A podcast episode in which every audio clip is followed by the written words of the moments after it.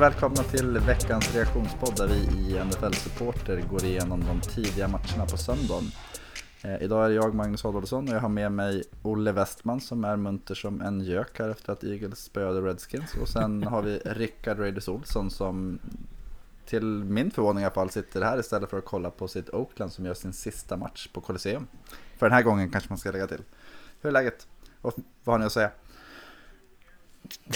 Tja, det är bra. ja, jag, är, jag är inte jättenöjd ändå. Om jag ändå ska lägga lite sordin på stämningen så tycker jag att det var en eh, rätt bedrövlig match som Eagles ändå vinner. Mm. Halta sig fram mot Redskins kanske inte är liksom den här, det här eh, glädjepillret som man tänker sig. Nej, man går ju inte riktigt stärkta in mot Dallas nästa vecka. Det, jag ser inte hur vi ska kunna vinna en sån match. Men, men spelarna hoppet, såg jäkligt glada ut. Ja, de var väl nöjda, men det, ja. Det är de det. Mm, du då Rickard?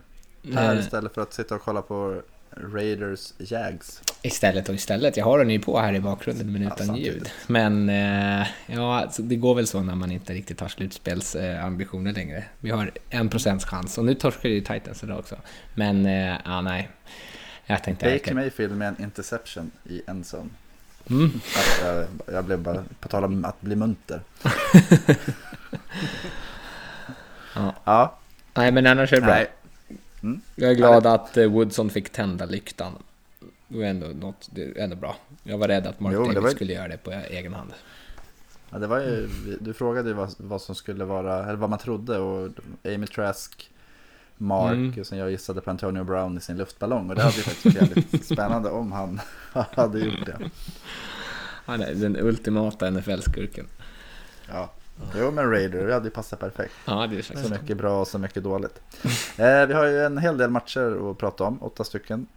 Vi sa här inför att det var väl kanske inte den eh, mest elektriska NFL-söndagen vi har bevittnat. Och det brukar bli så i slutet av året när eh, väldigt få lag egentligen, eller färre lag än vad vi har tidigare, har något att spela för. Så att de bra matcherna brukar vara extremt spännande och de dåliga matcherna brukar ju vara eh, lite preseason match över det hela. Vart ska vi börja? Ska vi börja och prata om den match vi redan varit inne på där vi faktiskt har sagt resultatet, Eagles och Redskins? Sure. Mm. Den såg ju du vad jag förstått. ja, jag såg ju den tyvärr. Nej men det mm, som vi sa så Eagles haltar sig fram och det, det, det ser inte jättebra ut. Det är inte så konstigt med tanke på att eh, Eagles receivers den här matchen går in med 20 kombinerade fångster inför matchen. Och under matchen så är det bara Greg Ward som, som är den receiver som fångar bollen. Sen är det tight ends och running back som fångar en jäkla massa passningar. Men eh, det gör ju att det, det haltar en del ligaspel och det är mycket långa drives som är liksom... Det, det, är tre, fyra yardspel hela tiden och man, man eh, tar sig ner eh, ganska... Alltså man gör det ändå bra på det här sättet och det har ju sett ut så hela säsongen men det är ju inte ett sätt man vill se ett lag spela fotboll. Det tar ju så evinnerlig tid och det finns ju så många eh, riskfaktorer i varje spel då liksom. Du ska spela 15-20 spel på en drive liksom. Då kommer det en, eh, en flagga i fel tillfälle, eller kommer en fumble. Eller, liksom då, mm. då är det ju kört. Men det var i alla fall en, eh, som jag såg, en spelare som hade en väldigt fin dag för Eagles. Mm, Miles Sanders, mm. uh, running back, en rookie running back. Han uh, gick bland annat upp som uh, Eagles bästa rookie running back någonsin om vi tittar till rush yards. Mm. vilket är väldigt positivt. Hade ju en, en var inblandad i det mesta ska vi säga, både passmässigt och, och eh, springmässigt så att säga. Ja, det var ju matchen slutade 37-27 till Eagles favör och eh, Redskins ledde med 27-24 när det var, vad var det, 4-5 minuter kvar? Ja, 4 minuter. 4 minuter kvar. Eh, så det var ändå starkt av Carson Wentz som inte hade sin bästa match kanske att, att leda laget till en touchdown drive och sen så var det en eh, Eh, Fumble 6 på slutet va? Ja, men... Eagles försvar, försvar stängde butiken. Eh, men det kändes väl ändå som en sån här match där båda lagen kan vara relativt nöjda. Redskins gjorde det helt okej okay och Eagles fick med mm. sitt även fast det kanske inte lovar så gott inför framtiden då. Eh, Nej precis. Häsken såg ju riktigt bra ut och, och var ju... Eagles försvar såg ju... Fick honom att se ut som en, en pro bowler där första halvlek i alla fall. Var inte riktigt lika bra i andra. De fick tag på dem lite bättre men eh, ja. Sen den sista driven där, det var egentligen Miles Sanders som hade en, en, eh, en lång rush där. Jag vet inte hur lång det var, 40-50 yards. Som, som satt upp det. Så att, eh, Goddard hade en fin reception också. ja, Ja, Nej, problemet med Eagles är ju ofta att man, man kan göra en fin drive och du gör en touchdown. Det känns jättebra. De Eagles hade den här, eller Wentz hade den här eh, riktigt fina passningen eh, nere i hörnet till Sanders där. Riktig eh, magisk passning och sen så, ja men försvaret ger upp en, en touchdown direkt på, på nästa drive. Mm. Man, man, liksom, det finns inget där, man pratar om eh, complementary football att eh, ja, men gör anfallet något bra, då kan försvaret steppa upp och göra något eh, bra också så får man lite momentum och det känns bra liksom. Men Eagles har inget sånt. Nej. Nej. Har du någon förhoppning att de ska... Alltså är det... NFC, så slår de, vinner de ut så är de ju faktiskt i slutspel. Mm. Eh, känner du att det finns någonting att kräma ur eller är laget så skadedrabbat? Alltså så här. Eh, nu gör man 37 poäng visserligen. Säg att man inte får en sista touchdown. eh, Då har du eh, 31 poäng på Washington som är ett ganska ruttet försvar ändå. Mm. Med den här receivergruppen. Jag ser inte hur man ska kunna alltså slå Dallas offensivt bättre än vad deras offensiv kan göra mot det här försvaret. Alltså, det, även om det blir en shootout så, så måste Dallas vara stor favorit i den matchen. Jag kan inte se något annat. Det, vi får väl se hur de ser ut idag men, men alltså jag, jag, jag hyser egentligen inga förhoppningar, mycket små förhoppningar på att Eagles ska kunna, kunna ta sig ur det. Alltså det, nej. Men är det inte lite Mm. sån situation ni behöver vara i? Det känns som att Eagles liksom svarar som bäst när de ligger med huvudet i giljotinen liksom och det, ja nu är det, vi har inga mer möjligheter att sumpa det här. Jag vet inte, alltså det... Det har varit så mycket dåliga matcher så jag... jag bara vågar inte hoppas på att man ska tro att det blir någon sån här jämn match som man lyckas gneta sig ut det sista men eh, ja, varför inte? Det skulle inte förvåna mig för sig om Eagles spöar Dallas och sen torskar mot Giants sista matchen. Då, Det skulle, det skulle vara väldigt, väldigt kul. det skulle jag. vara väl snyggt om Eli får vinna sista matchen där och peta Eagles åt helvete. Det, det skulle absolut inte förvåna mig en sekund om det blir så. Det kan jag lova er. Jag tror inte att det kommer bli så. Men jag skulle, jag skulle vifta med en pom-pom då och tycka att det var väldigt underhållande och kul för Eli att Mm. få sluta karriären så. Det är bra Men- för podden i, i. Ja, det är bra för Eli. Eh, vi släpper väl den matchen och eh, studsar till Kansas City. Där eh, Chiefs och Broncos gjorde upp i en väldigt, väldigt snöig historia. Det kom ju ett par decimeter snö under matchens gång och det påverkade såklart spelet. Eh, var det någon av er som kollade på den? Nej, höjdpunkten var väl snöbollskriget inför matchen kan jag tänka mig. Det som var mest jämnt åtminstone. Ja, och då var det bara Chiefs-spelarna mot varandra och det, det var väl lite så som, så som matchen var också. Att, eh, Broncos hade ju ett försvar som stod upp helt okej, men eh, Chiefs vann ju med 23-3 och eh, det mest anmärkningsvärda i den här matchen var väl egentligen att Patrick Mahomes, det såg ut som att han spelade en solig dag. Mm. han, hade, han passade för över 300, eller runt 350 yards, 27 för 34, två touchdowns och såg helt obehindrad ut. Eh, Stora Mm. syndaren när det gällde att fånga bollar var Travis Kelce som hade 11 receptions för 140 yards. Och, eh, det känns väl lite så här som att Chiefs, man har ju, de hade en liten svacka där kring Mahomes skada. Han Mm. har varit knäskålen ur led som Mm. han var borta en vecka. Som en fullt normal person. Eh, Men sen har man ju inte riktigt känt igen dem anfallsmässigt. Och det, de gjorde ju inte någon sprakande match idag heller. Eh, Men eh, det, man började ändå se. Tyreek Hill hade någon lång touchdown. Mahomes såg liksom mer rörlig ut än tidigare. Och framförallt Kelsey såg ut att ha liksom vaknat på rätt sida. Och det, man ska nog hissa en liten sån här varningsflagg för dem inför slutspelet. Att jag tror att eh, Chiefs kan nog vara det laget som ska slås. Eh, speciellt deras försvar har ju börjat spela bättre och bättre och bättre. Ehm, Jag tänker att det är lite så att uh, ja, men det kanske är bra att de hade den här svackan. Att man får gå ner mm. sig lite, man, man liksom gaddar ihop sig i laget, man, man bondar lite extra. Nu har vi varit med om lite tuffa matcher och mm. sen så kommer man ur det här med liksom en, en, ja, men en bra känsla. Du börjar vinna matcher igen, det börjar klicka liksom. Mm. Jag tror inte man ska underskatta dem. Det finns alldeles för mycket som man säger, explosivitet i anfallet och så tycker jag att de har ett försvar som kompletterar bättre än vad de gjorde förra året. De är så mycket mer mm. aggressiva under Spagnuolo att de vågar liksom blitza, vågar sätta press på motståndarlaget på ett helt annat sätt. Um, och Honey Badger har ju varit eh, riktigt, ja. riktigt bra för dem. Han hade flera bra mm. spel idag i, i en som där han eh, slog bollen, näven på korten satt den tror jag det var vid en, ett tillfälle och räddade en touchdown. Så att det, ja, de har, jag tycker att han är bättre än vad Eric Berry var för, för det försvaret. Och det, just den här playmaker-förmågan som jag tycker är... Men också, det, det inne... också som liksom kommunikatör på något vis, att stå och snacka och så dirigera sina lagkamrater. Mm. Det är många gånger som man står att han står och pekar liksom, och säger åt spelarna vad de ska göra. Och de hade ju liksom massa blown coverages förra året, eller alltså så här, när deras cornerbacks inte fattade vad de skulle göra och så liksom var det någon receiver som var helt öppen. Och, och sånt ser man inte lika mycket. Nej. Nej, och det, de är ju pratar om så här bend but don't break försvar så Chiefs mm. Har ju inte den potentialen riktigt. De, de är beroende av att, att göra spel. Eh, mm. Idag var de inte det för att uh, Drew Lock som var superbra förra veckan var inte speciellt lyckad idag och uh, Broncos kom egentligen ingenstans. Men, men just, att, just för Chiefs del så handlar det ju om att kunna som göra spel, göra sax, generera turnovers och, och liknande pass breakups i en zone som Matthew bidrar med. Så det, ja, jag tror att de brukar ju prata om att det gäller att pika vid rätt tidpunkt. Jag tror att Chiefs är på väg att pika i helt mm. rätt tidpunkt. Mm.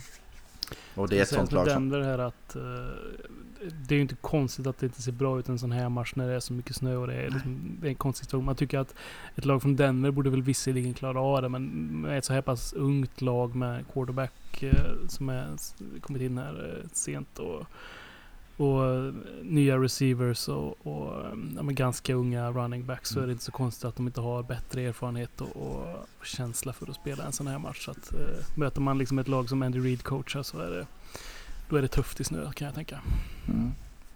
Och Broncos är nu helt eliminerade från slutspel. Det var de ju eh, rent eh, eh säga, praktiskt tidigare också. Men nu är det även tekniskt omöjligt för dem att ta sig till slutspel. Eh, vad kikade du på då Rickard? Jag kollade på AFC South-derbyt där om eh, eh, divisionstiteln mellan eh, Tennessee Titans som tog emot Houston Texans. Mm. Men en ganska underhållande match. Det var en av de kanske få riktigt eh, bra och riktigt jämna matcherna eh, mm. under kvällen. Men eh, ja, Texans vinner den till slut med 24-21. Lite så här match med så två eller tre snarare, olika liksom, sekvenser. Att vi har först Texan som drar iväg med en ledning på 14-0.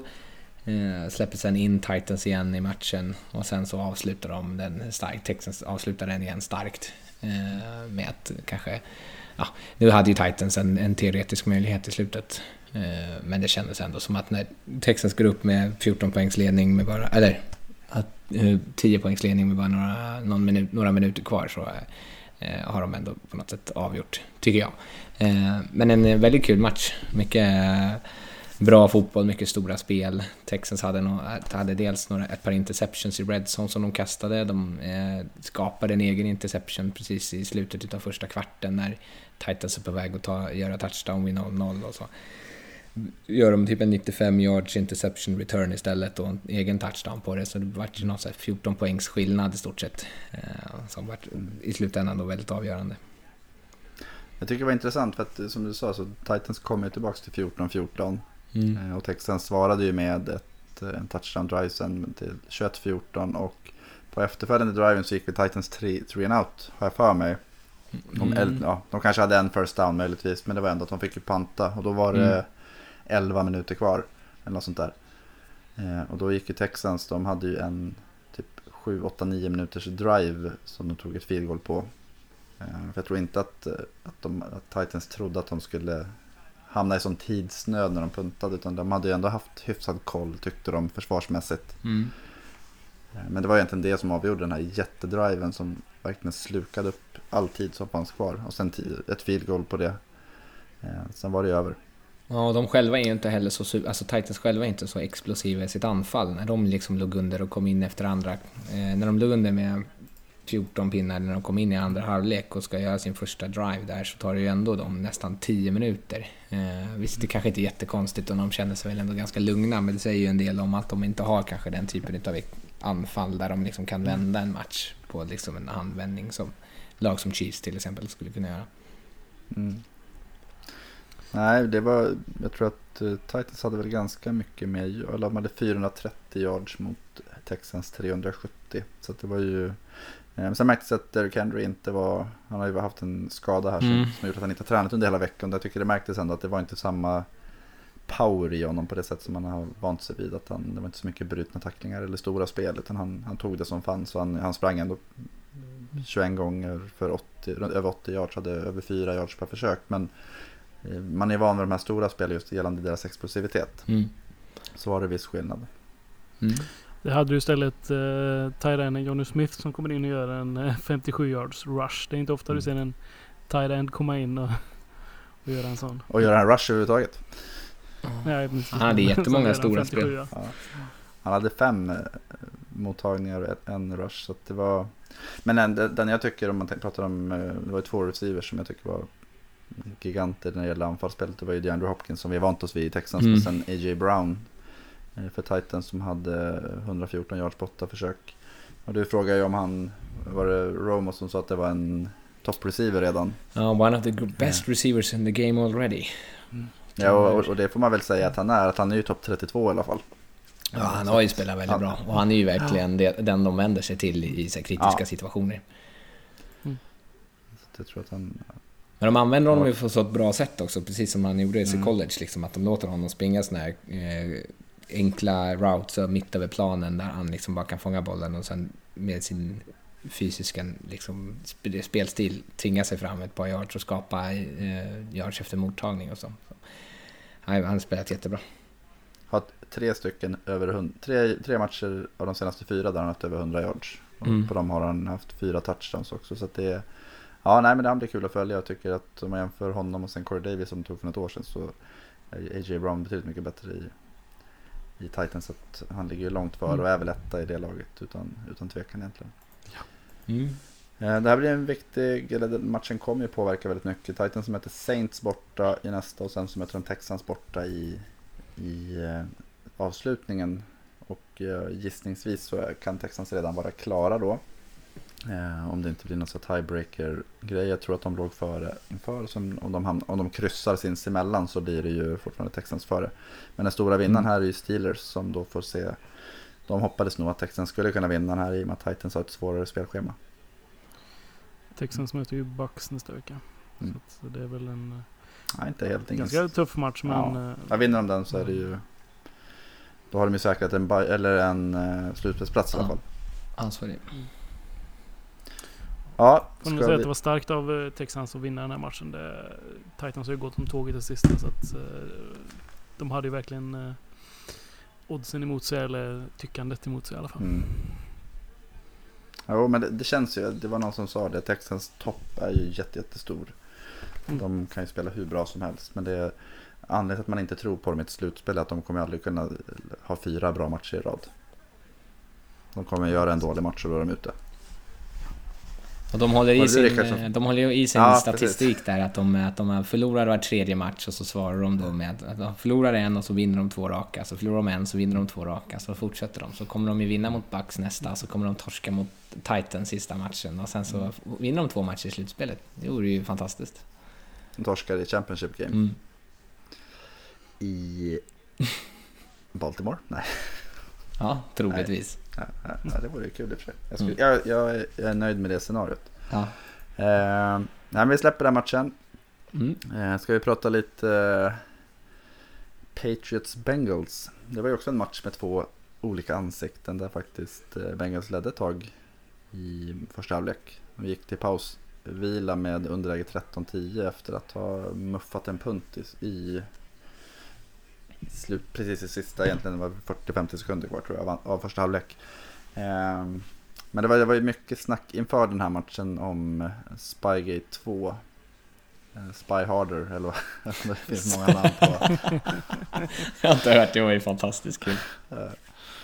Eh, nej men att eh, Patriots hade ju någon inhyrd kameraman kallas det, sägs det väl. Eller han var, jag tror att han var eh, på entreprenad som hade filmat Bengals eh, sidlinje förra matchen när de mötte Browns i Cleveland och det har ju blivit en stor grej som ni pratade om i tors onsdagspodden va?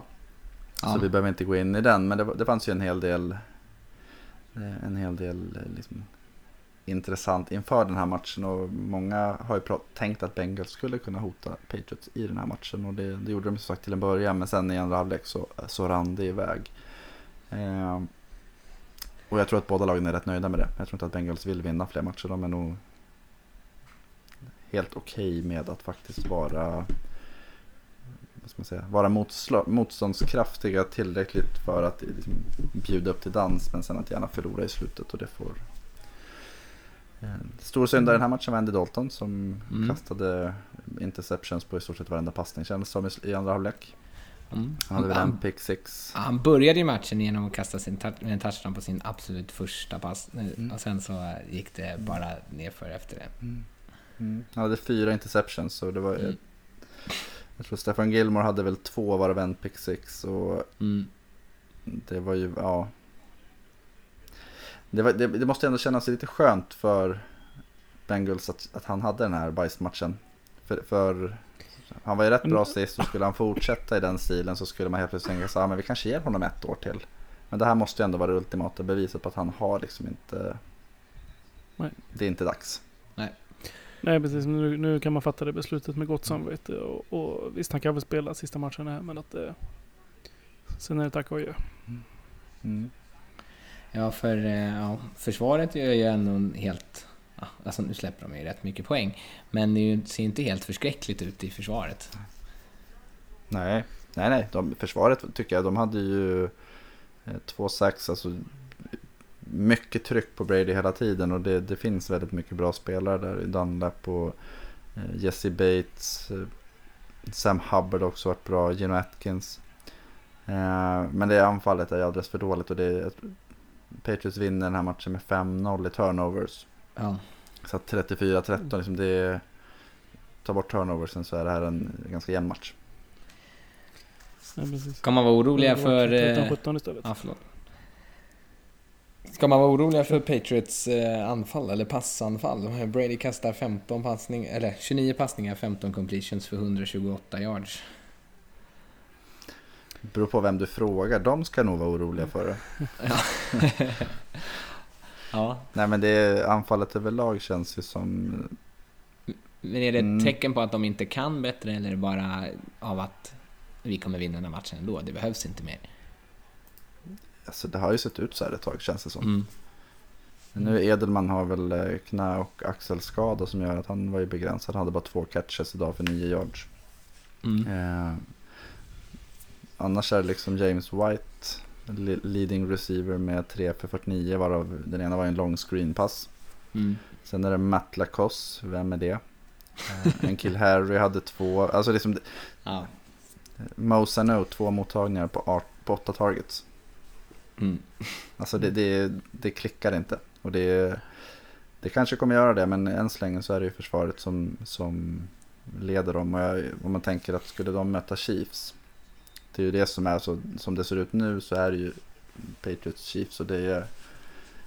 eh, så, ja, i dagsläget så skulle jag nog sätta...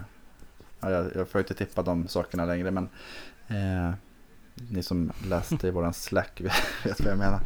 Eh, nej men alltså, jag, jag Chiefs skulle ju kunna, de här explosiva spelen, alltså Patriots har ingenting sånt. Ja. Det, det finns liksom inte en, ett uns explosivitet i anfallet känns som, speciellt inte när Edelman är eh, lite knackig.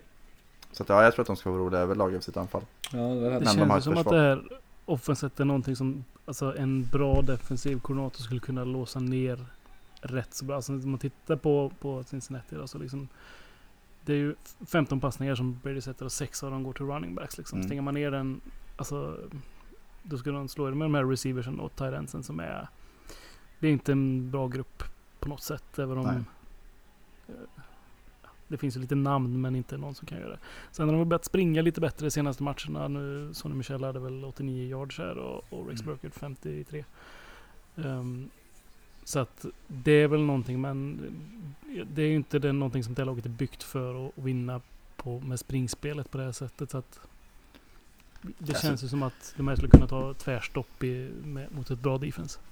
Ja, så de, jo, jag skulle säga nej, de är inte byggda för de, I och med att de inte har några explosiva spel så blir det så, lite det du sa om Eagles, att det blir väldigt, väldigt sårbart. Hade Men det varit- du, ska, du ska klara drives på... Ja, och det är så här, tar det bort, hade de inte haft 5-0 i turnovers utan att de hade haft 2-3 istället, då hade de kunnat förlora den här matchen. Mot Bengals som är 1-13. Så det, det är mycket, ja, explosivitet. Dorsett eh, tror jag är en sån här jätteviktig spelare i slutet.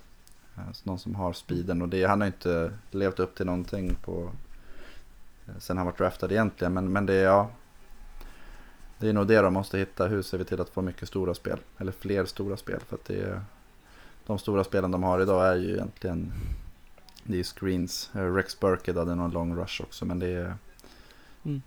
det har ju inte till vanligheten direkt. Man hade behövt få in Gronken här när, han, eh, när det pratades om honom där sista. Ja. Frågan är vad han hade varit i förslag. Nej, absolut inte. Det hade inte funkat men eh, det hade varit kul. Mm. Nej men som vi skämtade också om i slacken men att eh, Bill tog fram eh, den här filmen då som de, som Mm. de filmade i halvtid. Och då fick man fyra turnovers. Så att, eh, det,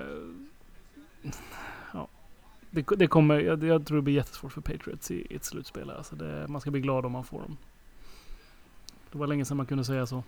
Det, jag, nej, jag kommer aldrig säga det. Nej, nej, det är för alldeles för svårt. Man ska inte låta dem Nu bli spelar mitt lag i NFC så att jag säger så.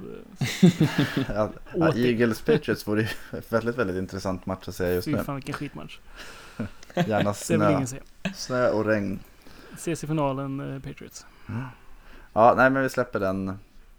Eh, Bengals, eh, de satsar på att plocka Joe Burrow istället med första valet. Är de eh, färdiga för... eh, En torsk till, eller? sen clinchar de first pick. Mm. Så att snart kan vi säga att de är Just- on the det clock. ska de väl lösa. Ja, jo men det...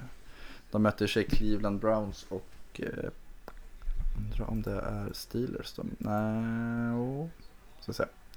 Nej, de möter Dolphins borta nästa och sen Browns hemma. Så att, nej, det är inte helt... de är inte helt, inte helt klart. safe. I och för sig så Giants vann idag så att jag vet inte om... Mm. Det är inte bra för Bengals. Ja, men Giants vinner ju mot Eagles i sista så att det är ju de, rent faktiskt har de clinchat redan. Eh, vi hoppar till eh, The Frozen Thundra. Säger man så?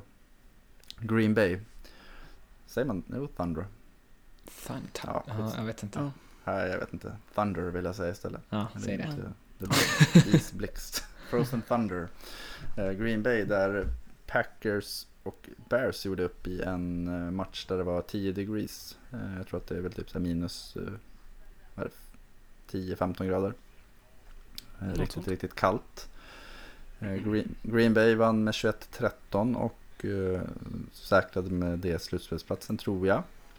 De är 11-3 nu och de stängde dörren för Chicago.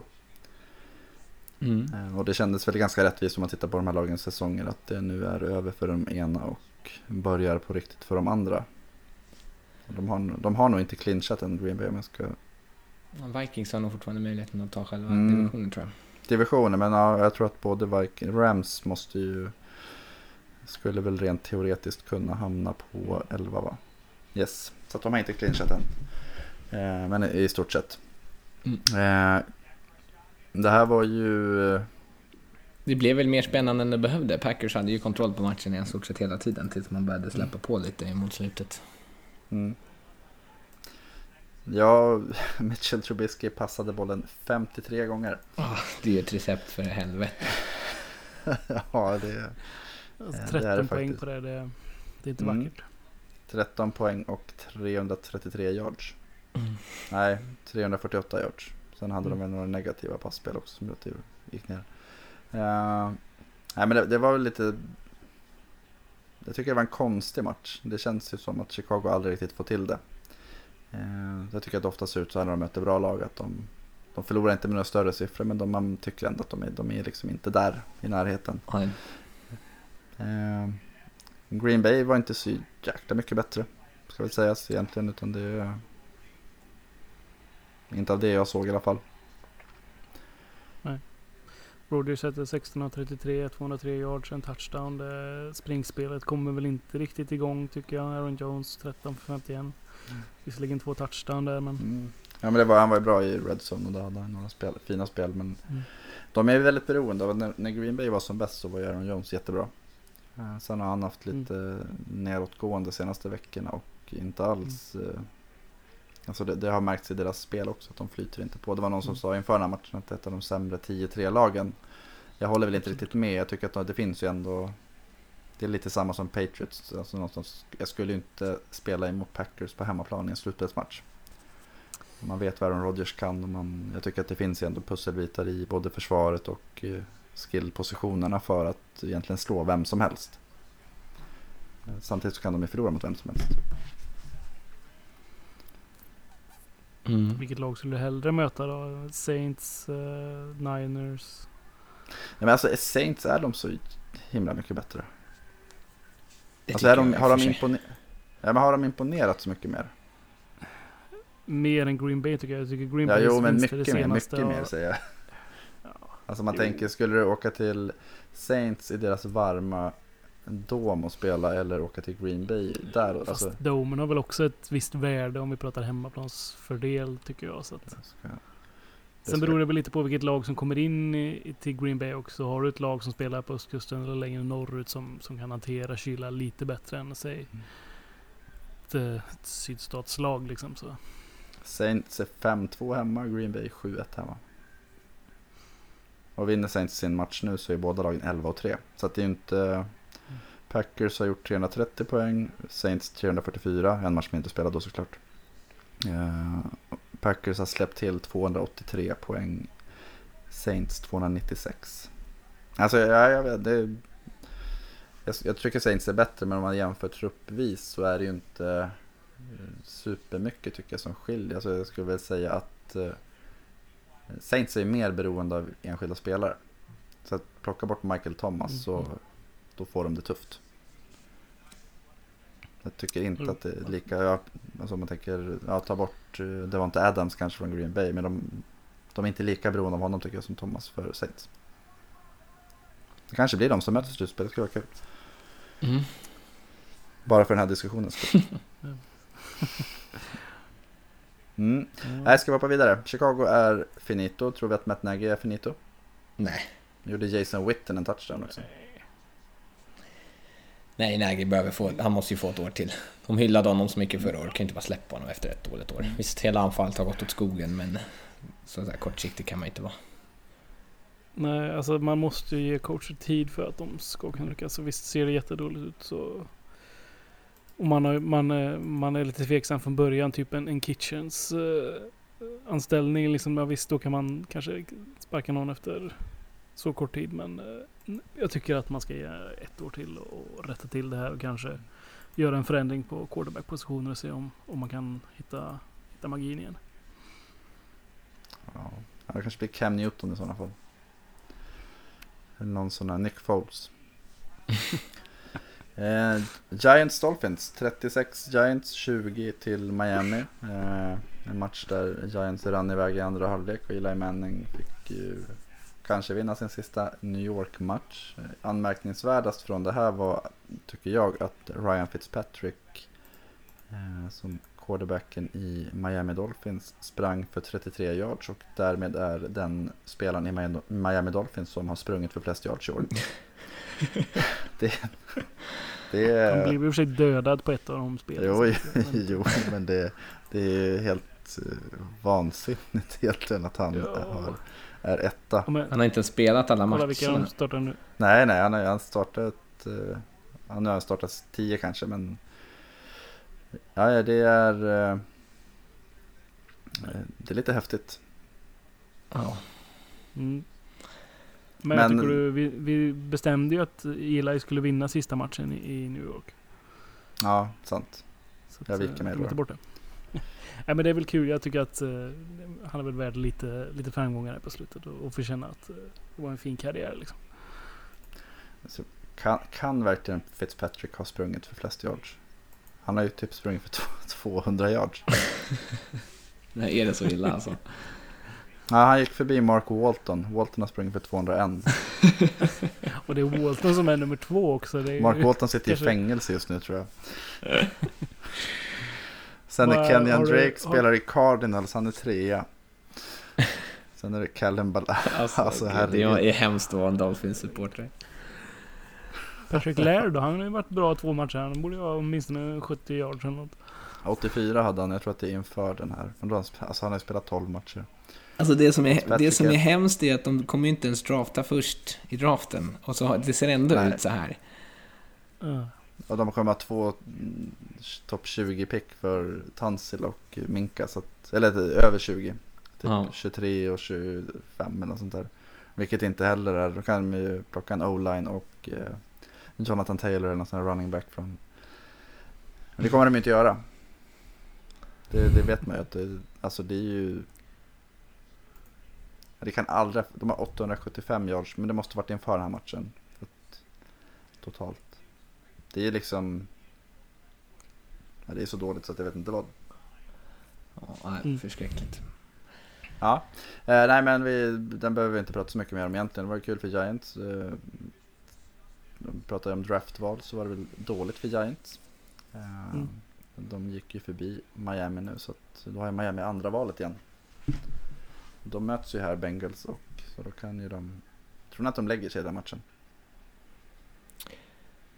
Nej, alltså jag har svårt att se. Alltså det, det är som sagt, vi har ju pratat om det här med tankning tidigare, att det är svårt att... Det är ju spelarna gör det ju liksom inte och... Fast behöver du tanka när du inte har ett springspel? Ja, men Ryan Fitzpatrick Alltså, kommer hitta ett sätt att spela. Han kommer kasta committa 10 till touchdowns.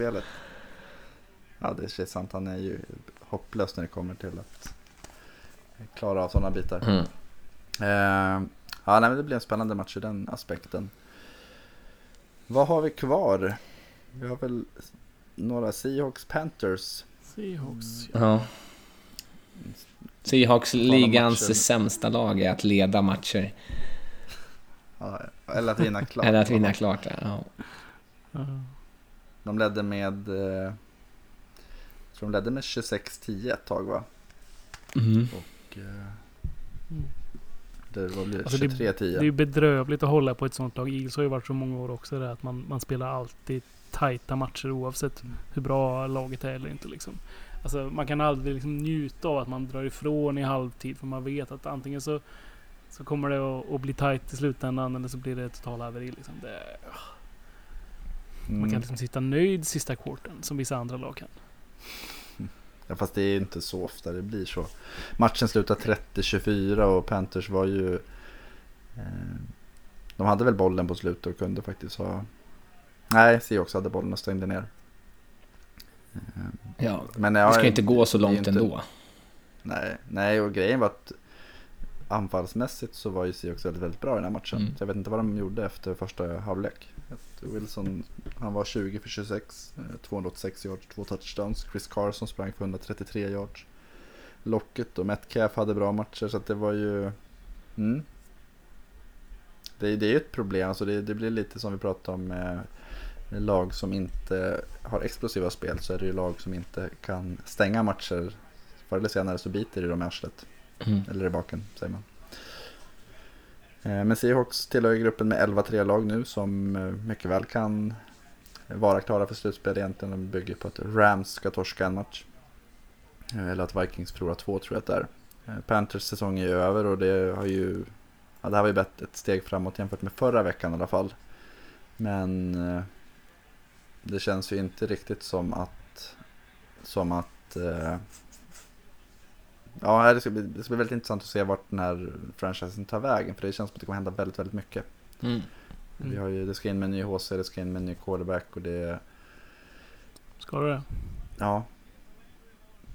Det borde bli en del huv, fler huvuden som rullar där. Och jag tror att vill man byta till sig spelare så finns det väldigt mycket bra. Christian McCaffrey klev ju över 2000 i totala yards i, den här, i det här mötet Mm. och det är ju väldigt, väldigt bra speciellt med tanke på att han har varit ganska Ska han ensam. ha- Ska han ha betalt nu snart eller? Han, det här var hans tredje säsong va? ut? Nej, det var det andra, nej tredje. Ja, då har de två år till på sig. Mm. Det var väl Vilket var eh, det? Samma år som Fournette. Tror jag. Det låter bekant. Mm. Ja, det är väl nyttigt för dem i alla fall att de kan ha kvar McCaffrey utan att behöva lägga de här pengarna som, som krävs för att ha kvar honom. Och som vi väl också har sett att det liksom betala running backs är inte ett jättesmart beslut att göra oavsett hur bra de verkar. Nej. Nej, och det någonstans så har de ju ändå fina saker att bygga på med, med DJ Moore och McCaffrey i anfallet. Och det, som sagt, det blir väldigt kul att se vilken väg de väljer med, med quarterback. Jag tror Cam Newton är nog inte svaret för det. För de, så jag skulle kunna tänka mig typ så Kyler Murray. Den, han hade ju varit fantastiskt kul att se Ja, i, ett- i det Ett air raid system med de spelarna Ja. som de har, det skulle ju verkligen vara perfekt. Curtis Samuel också. Mm. Ja, nej men det, så det blir kul att se för det var de Panthers tar vägen. Men i år är det inte så, jätteroligt att titta på dem faktiskt. Nej. Mm. Är det någon match vi har missat nu tror du? Nej, jo. Ja, Buc- Bucks Lions. Bucks Lions. Ja. Där James Winston bjöd på eh, Han är, han är sig själv alltså. Det är ju Ja. ändå kul att han fortsätter. Ja, 458 yards passade han för. Eh, fyra touchdowns, eh, en interception och det var ju precis i början av matchen.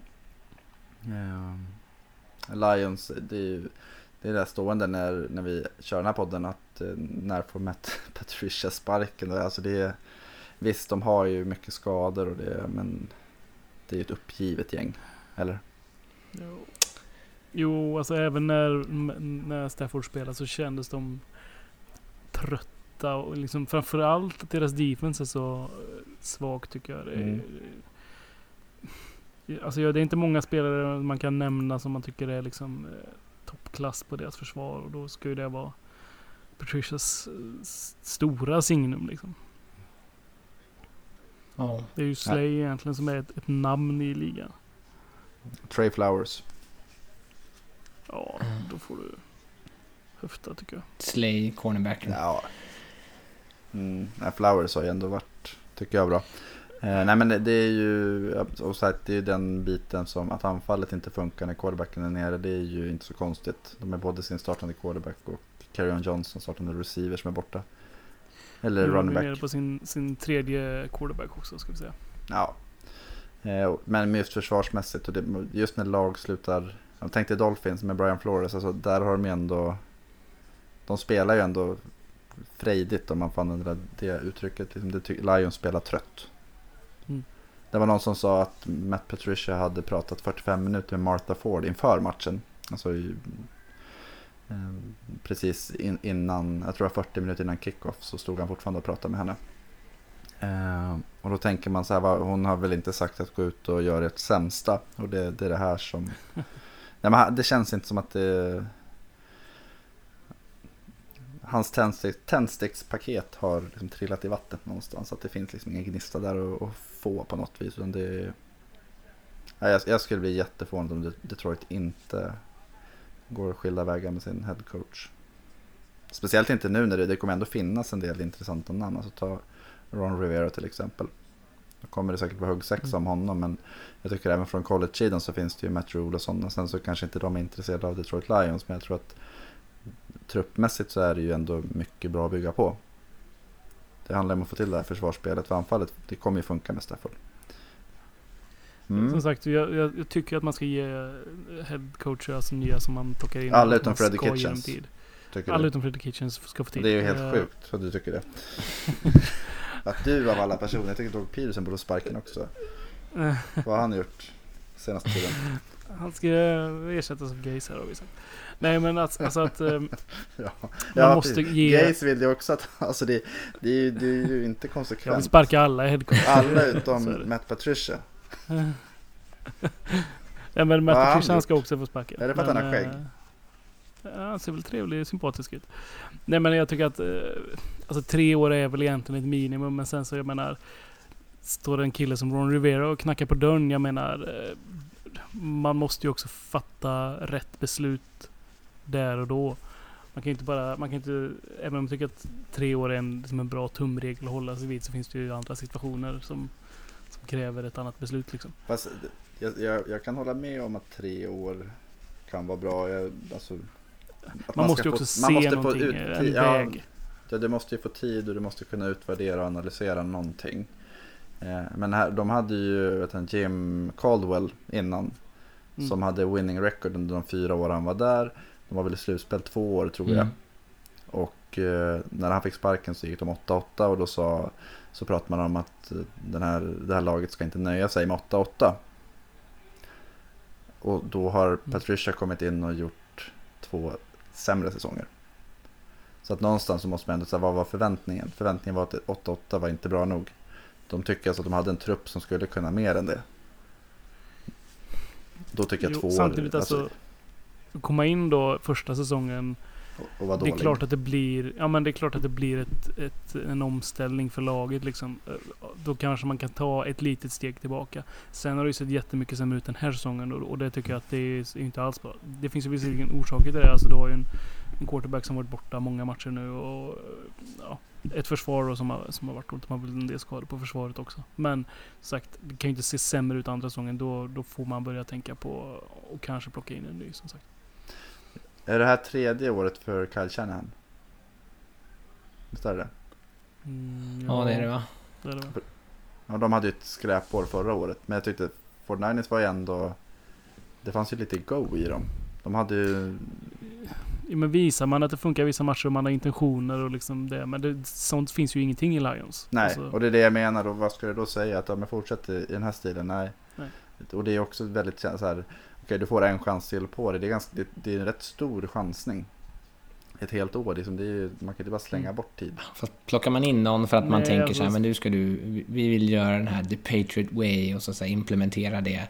Då måste man ju ändå på något sätt förstå att det kommer ta tid. Och man, man anställer honom inte bara för att han är en duktig koordinator utan för att man tänker att han ska kunna bygga en lagkultur som är liksom mm. långvarig och hållbar. Då måste man ändå ha tålamodet med att låta honom starta det och avsluta det. Jag tänker, ser man sånt liksom, äh, bakom kulisserna och att han är en sån ledare och att han bygger det här liksom, ja, men då är det klart, då kanske man ska ha kvar honom och våga vara lite långsiktig där liksom. Men det känns ju inte som att det är så det ser ut heller. De har väl varit lite i uppror vissa stunder, eh, mm. laget, spelarna. Så att eh, Visserligen kanske då på grund av att han ska köra The Patriot Way och vara lite tuff och, och så men jag vet inte. Jag tycker man, det, det, borde man som ägare kunna se det här och, och liksom, då kanske det är ett enkelt beslut egentligen. Jo men det är det jag tänker, att han har pratat med ägaren inför den här matchen och kommer ut och det är det här som händer. Jo, men alltså, det tycker jag så här också, det är inte så jäkla... Nej det är inte bara den matchen, men jag tänker så här med se, se ett sätt över... De har ju verkligen lagt sig ner på rygg och bara så här så. Vi lägger jag ner här ändå de hade lite i början på säsongen. Ja. Spelar jättebra mot Eagles De kryssade mot Cardinals till exempel. Det var ju starkt. Var, mm. Domarna bjöd dem på en förlust mot Packers, annars hade de ju sett bättre ut. Ja, precis. Jo men jag menar då hade de varit ganska, sett ganska bra. De hade nästan varit 4-1 där om de hade fått lite... lite de har spöat Chiefs. De, hade, ja, de, har, de började 0-2-1. Eh, sen har de efter en, de första tre matcherna så har det gått, har de en seger på 10. Mm. En seger på 11 till och med.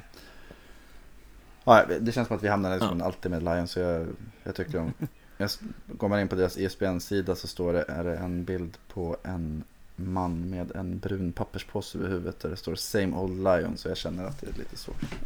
Same Old. Vi sparkar honom också. Så sparkar honom och så tar vi tillbaka Jim Caldwell. Mm. Sen kan vi säga om vi ska prata lite, lite fantasy här så tycker jag ändå att eh, vi, vi ger en shoutout till alla som startade West Hills den här semifinalveckan. Ni, ni är fan elit.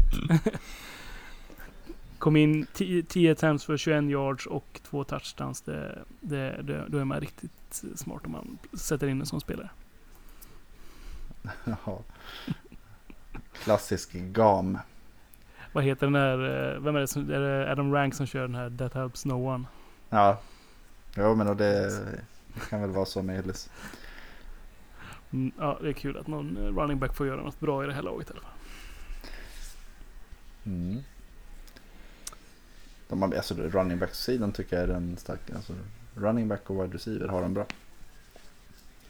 Helt annat. Och quarterback. Eh, om, de är, om de är hela vill säga. Nu Ja, sitter väl jo, de, de flesta på IR där. Också ett tecken på att säsongen är över. Jo. Dumt att slita ut spelare som inte har något att spela för. Ja, vad säger ni? Ska vi packa ihop det här och Eh. kolla Raiders-matchen istället? Det vi, vi, kollar, vi packar upp det här och kollar Raiders istället. Eh, tack ska ni ha, ha det bra. Tack, ha det bra. Tja.